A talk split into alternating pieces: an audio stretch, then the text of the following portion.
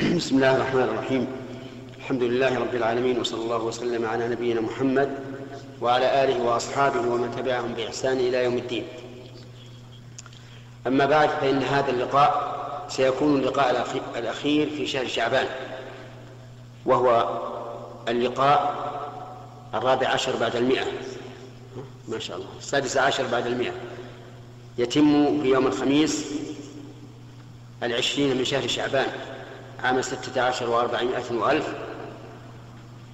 وبما أن شهر رمضان على الأبواب فإنه يحسن أن نتكلم بكلمات يسيرة عما يتعلق بالشهر المبارك. شهر رمضان له مزايا على غيره منها أن الله سبحانه وتعالى أنزل فيه القرآن. كما قال تعالى شهر رمضان الذي أنزل فيه القرآن هدى للناس وبينات من الهدى والفرقان. ومنها أن الله جعل فيه ليلة القدر التي أنزل الله في شأنها سورة كاملة. فقال تعالى إنا أنزلناه في ليلة القدر وما أدراك ما ليلة القدر. ليلة القدر خير من ألف شهر. وقال فيها إنا أنزلناه في ليلة مباركة. إنا كنا منذرين. فوصفها الله تعالى بالبركة. ومنها أن الله سبحانه وتعالى رتب مغفرة الذنوب والأثام لمن صامه إيمانا واحتسابا. فقال تبارك وتعالى فقال النبي صلى الله عليه وعلى آله وسلم من صام رمضان إيمانا واحتسابا غفر له ما تقدم من ذنبه. ومعنى قوله إيمانا أي إيمانا بفرضيته وإيمانا بما رتب الله عليه من الأجر واحتسابا لهذا الأجر. يعني أنك تحتسب صومك على الله عز وجل بأن يثيبك على صيامه. فمن صامه إيمانا واحتسابا غفر الله له ما تقدم من ذنبه. ومنها أن من قامه إيمانا واحتسابا غفر الله له ما تقدم من ذنبه كما ثبت ذلك عن النبي صلى الله عليه وعلى آله وسلم. ومنها أن من قام ليلة القدر إيمانا واحتسابا غفر الله له ما تقدم من ذنبه. ومنها أنه شهر الجود والكرم والعفو والإحسان. فقد قال فقد كان النبي صلى الله عليه وعلى آله وسلم أجود الناس وكان أجود ما يكون في رمضان حين يلقاه جبريل فيدارسه القرآن. فلا رسول الله صلى الله عليه وسلم أجود بالخير من الريح المرسلة. وقد سألت عائشة النبي صلى الله عليه وسلم قالت أرأيت, أرأيت إن وافقت ليلة القدر ما أقول فيها؟ قال قولي اللهم إنك عفو تحب العفو فاعف عنه فينبغي للإنسان أن يغتنم هذه هذه الفرصة في الشهر المبارك وأن يكثر من الصلاة والذكر وقراءة القرآن والصدقة والإحسان إلى الناس بالمعاونة والشفاعة الحسنة. وغير ذلك من أنواع البر والخيرات. لعل الله تعالى أن يعامله بالخير والبركة نتكلم أولا عن الصيام. الصيام لا شك أنه مفروض على الأمة الإسلامية وأنه ركن من أركان الإسلام. وفرضه الله عز وجل في السنة الثانية من الهجرة فبقي النبي عليه الصلاة والسلام أربع عشرة سنة بعد البعثة لم يفرض الصيام. حتى تروضت النفوس على الإسلام واطمأنت واستقرت وفرض في السنة الثانية من الهجرة. وكان أول ما فرض أن الإنسان مخير بين أن يصوم أو يطعم عن كل يوم مسكينا ولكن الله ندب للصوم فقال وأن تصوموا خير لكم. فصار من شاء صام ومن شاء أفطر ثم أوجب الله تعالى صومه عينا فقال شهر رمضان الذي أنزل فيه القرآن هدى للناس وبينات من الهدى والفرقان فمن شهد منكم الشهر فليصوم ولكنه لا يجب صوم رمضان إلا على كل مسلم بالغ عاقل قادر مقيم خال من الموانع يعني بست شروط. فالكافر لا نلزمه بالصوم ولا نقول صوم. لو وجدنا كافرا يأكل في بيته ويشرب في بيته في نهار رمضان لم نقل أمسك. لأنه ليس من أهل الصيام. بل لو صام وهو لم يسلم لم يقبل الله منه. لأن الله تعالى قال وما منعهم أن تقبل منهم نفقاتهم إلا أنهم كفروا بالله وبرسوله. فهو لا يؤمر بالصوم ولو صام لم يصح منه ولا يؤدب على الفطر لكنه يمنع من إظهار الفطر بين المسلمين. والصغير لا يجب عليه الصوم. لكن قال العلماء يجب على وليه أن يأمره بالصوم إذا أطاق ليعتاده ويتمرن عليه ويستقبله بنشاط وعزم إذا بلغ. والمجنون لا يجب عليه الصوم لأنه ليس أهلا للتكليف قد رفع عنه القلم. ولا يجب على المجنون شيء من العبادات إلا الزكاة فإن الزكاة تجب في مال المجنون لأن الزكاة حق المال. والعاجز لا يلزمه الصوم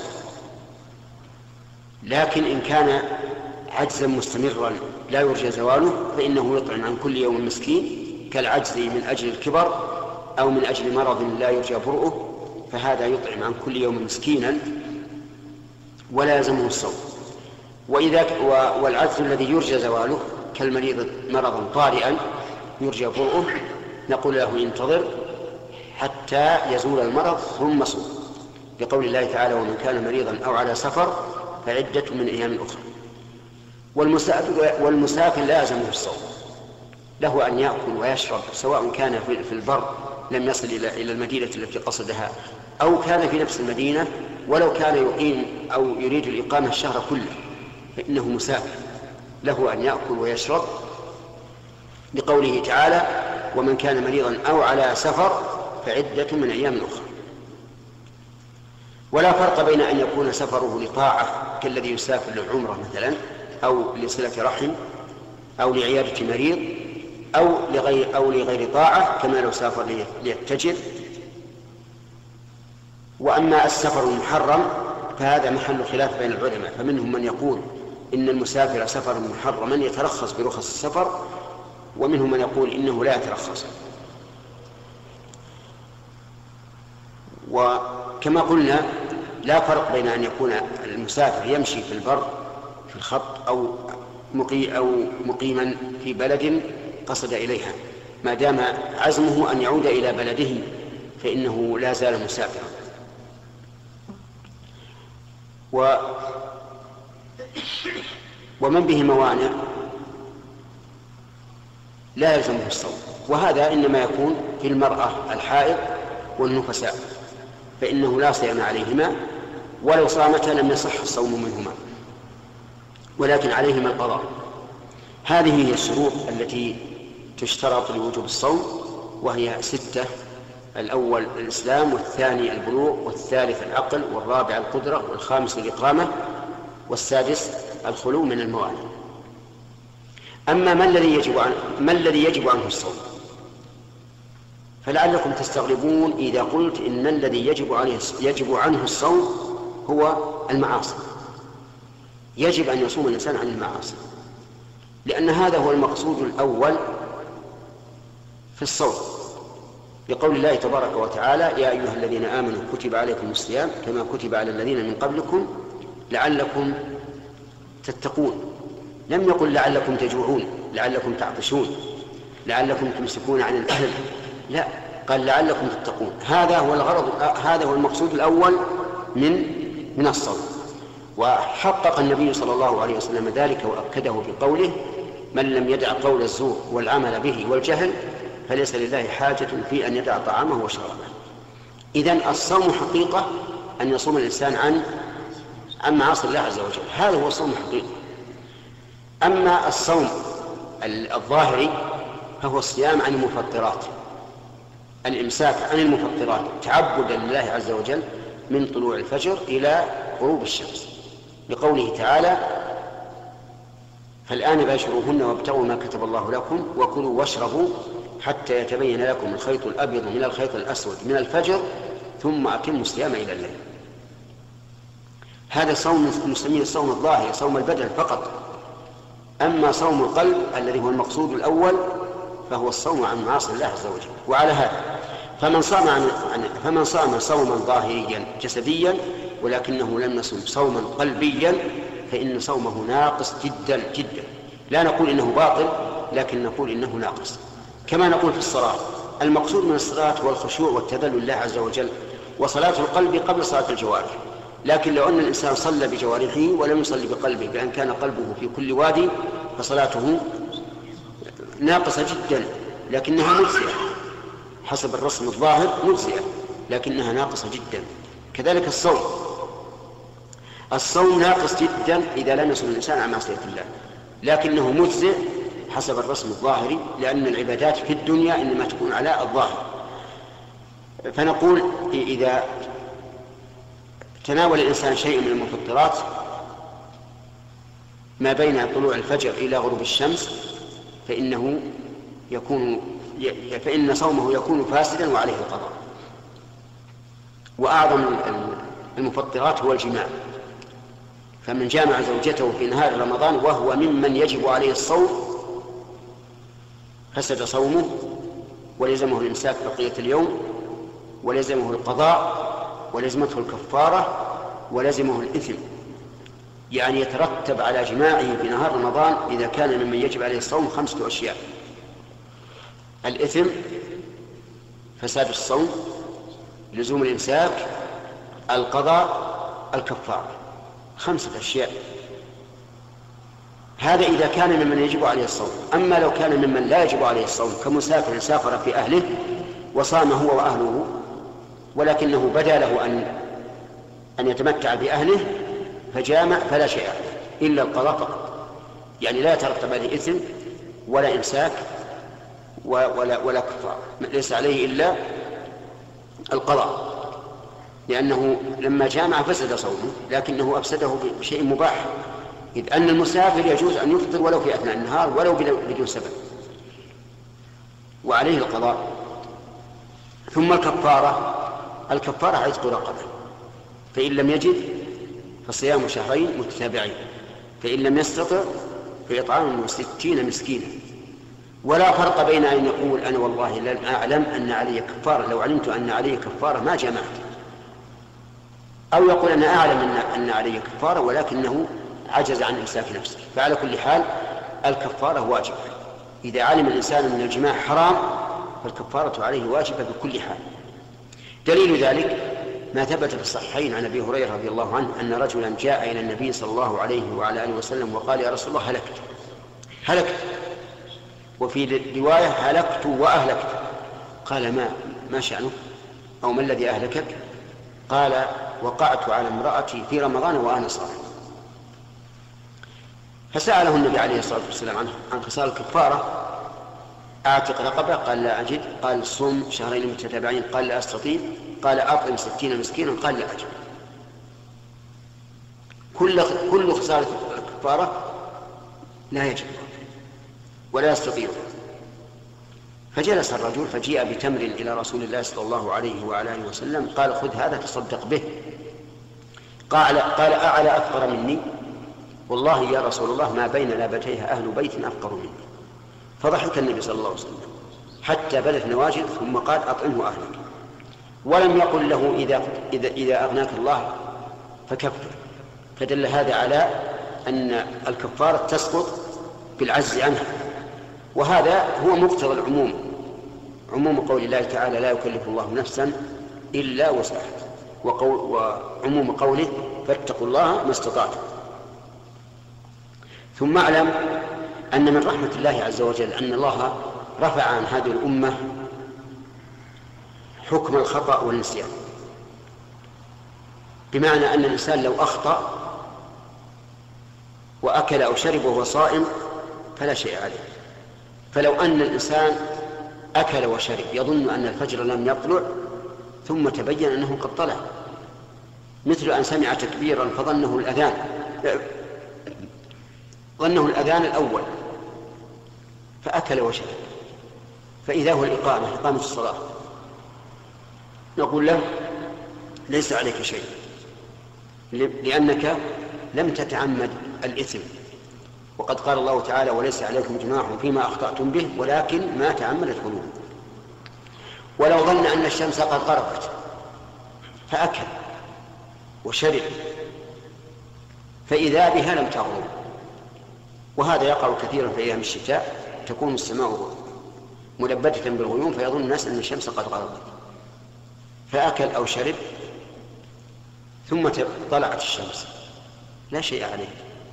لأن هذا الرجل لم يتعمد الإثم ولم يتعمد الأكل في, في, في النهار. وقد قال الله تعالى وليس عليكم جناح فيما أخطأتم به ولكن ما تعمدت قلوبكم. ونحن متعبدون لله عز وجل. قال لنا العبادة فاسدة قلنا سمع وطاعة نعيده. قال لنا العبادة الصحيحة قلنا الحمد لله. يعني لسنا نحكم على الله بشرعه وإنما الله هو الحاكم علينا. فإذا كان يقول لنا بكلامه وليس عليكم جناح فيما أخطأتم به ولكن ما تعمدت قلوبكم نقول لا لا نقبل غلط. نقول الحمد لله على نعمه وعلى عافيته ليس علينا شيء. بل إن الرسول عليه الصلاة والسلام طبق هذا تماما. ففي صحيح البخاري عن أسماء بنت, بنت أبي بكر رضي الله عنهما أنهم أفطروا في يوم غيم في يوم غيم على عهد النبي صلى الله عليه وسلم. ثم طلعت الشمس. ولم يأمرهم بالقضاء. ولو كان القضاء واجبا لأمرهم به لأنه ي... لأن عليه بلاغ الشريعة. ولو ولو أخبرهم به لنقل إلينا. لأن حفظ الشريعة مما تكفل الله به. إنا نحن نزلنا الذكر وإنا له لحافظون. فالله حافظ لذكري وشرعه إذن نقول لا شيء على الإنسان إذا وهم فأكل قبل أن تغيب الشمس.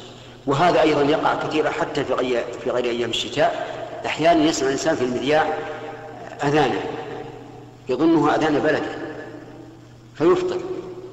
فإذا بالشمس لم تغرب نقول لا شيء عليك. لأنك لم تتعمد إيش؟ الإثم. وقد قال الله تعالى وليس عليكم جناح فيما أخطأتم به ولكن ما تعمدت قلوبكم بهذه النصوص يتبين بطلان جميع الأقيسة التي تقتضي خلاف النص. يعني لو قال قائل الإمساك في الصوم شرط والشرط لا يسقط بالجهل ولا بالنسيان قلنا له من قال هذا؟ هذا كلام الله وكلام رسوله وسنة رسوله. وفي الصحيحين أيضا عن أبي هريرة رضي الله عنه أن النبي صلى الله عليه وسلم قال من نسأ وهو صائم فأكل أو شرب فليتم صومه. فليتم يعني ما نقص صومه. فليتم صومه فإنما أطعمه الله وسقاه. نكتفي بهذا القدر فيما يتعلق بالصيام. أما فيما يتعلق بالقيام فإنكم سمعتم أن النبي صلى الله عليه وسلم قال من صام من قام رمضان إيمانا واحتسابا غفر له ما تقدم من ذنبه لكن من قام يعني كل الليل والنهار صلي. عجيب لا. ولكن من قام القيام المشروع وذلك في الليل. في الليل. فما هو فهل لهذا القيام من عدد معين أو لا؟ نقول أما على سبيل الحتم فليس هناك عدد معين. لو صلى الإنسان ثلاثين ركعة أو أربعين ركعة فلا, فلا, فلا حرج عليه. ولا يقال له لماذا؟ لأن النبي صلى الله عليه وسلم لم لم يوقت عددا في قيام الليل. بل سأله سائل قال يا رسول الله ما ما ترى أو كيف صلاة الليل؟ قال مثنى مثنى. فإذا خشي أحدكم الصبح صلى واحدة فأوترت ما صلى. إذا ما في عدد معين. لكن العدد الذي كان النبي صلى الله عليه وعلى آله وسلم يواظب عليه إما إحدى عشرة وإما ثلاثة عشرة كما سئلت عائشة رضي الله عنها وهي من أعلم الناس بحاله كيف كان صلاة النبي صلى الله عليه وسلم في رمضان؟ قالت كان لا يزيد في رمضان ولا غيره على إحدى عشرة ركعة. فهذا هو العدد الأفضل لكن لا مانع من الزيادة. ثم إن قيام الليل يحصل ثوابه لمن قام مع الإمام حتى ينصرف ولو لم يستغرق إلا جزءا يسيرا من الليل. دليل ذلك أن النبي صلى الله عليه وسلم قام بأصحابه ولكنه انتهى قبل الفجر. قالوا يا رسول الله لو لو نفلتنا بقية ليلتنا قال إنه من قام مع الإمام حتى ينصرف كتب له قيام ليلة. نعمه الحمد لله. إذا قمت مع الإمام حتى انصرف فأنت كأنما قمت الليل كله. مع أنك نائم على فراشك أو مستمتع بأهلك. لكن إذا إذا قمت مع الإمام حتى انصرف كتب لك قيام ليلة ولهذا ينبغي للإنسان أن أن لا يكون في أي في ليالي رمضان يقوم مع هذا الإمام بتسليمه ومع الإمام الثاني بتسليمه ويتجول في المساجد فيضيع عليه الوقت ويضيع عليه الثواب. نقول إذا شرعت مع إمام فاستمر إلى أن ينتهي. من أجل أن يكتب لك قيام ليلة. ومن المعلوم أن كل واحد منا يريد الأجر وينتهز الفرص فنقول هذه هي الفرصة. قم مع الإمام حتى ينصر. وينبغي بل يجب على الأئمة أئمة المساجد أن يتقوا الله تعالى في في من ولاهم الله عليه. الإمام إمام إمام المسجد راعي والمأموم والمأموم رعية. فيجب أن يسير بهم على مقتضى السنة. مقتضى السنة الطمأنينة في الصلاة. والطمأنينة والاستقرار. وعدم السرعة. ولهذا لو صلى الإنسان بلا طمأنينة قلنا صلاتك باطلة لو صلى ألف مرة. لأن رجلا جاء فصلى بدون طمأنينة ثم سلم على النبي صلى الله عليه وسلم فقال ارجع فصل فإنك لم تصل شوف لم تصلي نفي الصلاة. مع أن الرجل صلى أو لا؟ صلى. لكن الرسول قال لم تصل لأن صلاة لا تكون على الشريعة وجودها كالعدم. ثم علمه قال إذا قمت إلى الصلاة فأسبغ الوضوء ثم استقبل القبلة فكبر ثم اقرأ ما تيسر معك من القرآن ثم اركع حتى تطمئن راكعا ثم ارفع حتى تطمئن قائما ثم اسجد حتى تطمئن ساجدا ثم ارفع حتى تطمئن جالسا ثم اسجد حتى تطمئن ساجدا ثم افعل ذلك في صلاتك كلها. وكثير من المصلين من الأئمة نسأل الله لنا ولهم الهداية يسرع إسراعا مخلا بالطمأنينة. حتى لو فرضنا أنه هو يطمئن ويأتي بواجب الطمأنينة لكن الذين وراءه لا يتمكنون. لأن فيهم من لا يكون سريع الحركة إما لمرض أو كبر أو غير ذلك. فتجدهم لا يتمكنون من الطمأنينة وهذا حرام عليهم. يحرم على الإمام أن يسرع سرعة تمنع المأموم فعل ما يجب. لأن المأموم بين أمرين يا إما إما أن يفارقه وإما أن يتابعه على صلاة باطلة وهذا مشكل. لذلك نقول لإخواننا الأئمة يجب عليكم أن تتقوا الله وأن تراعوا حرمة المسلمين الذين وراء وإذا قدر أنكم قضيتم الركعات في ساعة مع العجلة مع أني لا أظنها تبلغ الساعة لكن فرضا فلتكن ساعة ونصف. لكن في ظني أن الذين يسرعون هذه السرعة يمكن يكونها بثلثين ساعة فنقول ماذا يضيرك إذا زدت؟ ثانيا بعض المأمومين يريد أن يحافظ على 23 ركعة مع السرعة وهذا غلط. لأنه يفوت بذلك شيئين الشيء الأول العدد الأفضل. لأن العدد الأفضل إحدى عشرة أو ثلاثة عشرة لا شك عندنا أنها أفضل من ثلاثة وعشرين. ثانيا الإسراء دع الناس يطمئنون يدعون الله سبحانه وتعالى في سجودهم يخبتون إلى الله يخشعون بين يديه حتى يكون قياما حقيقيا. نسأل الله تعالى أن يبلغنا وإياكم رمضان وأن يجعلنا ممن يصوم ويقوم إيمانا واحتسابا إنه على كل شيء قدير. والآن إلى الأسئلة.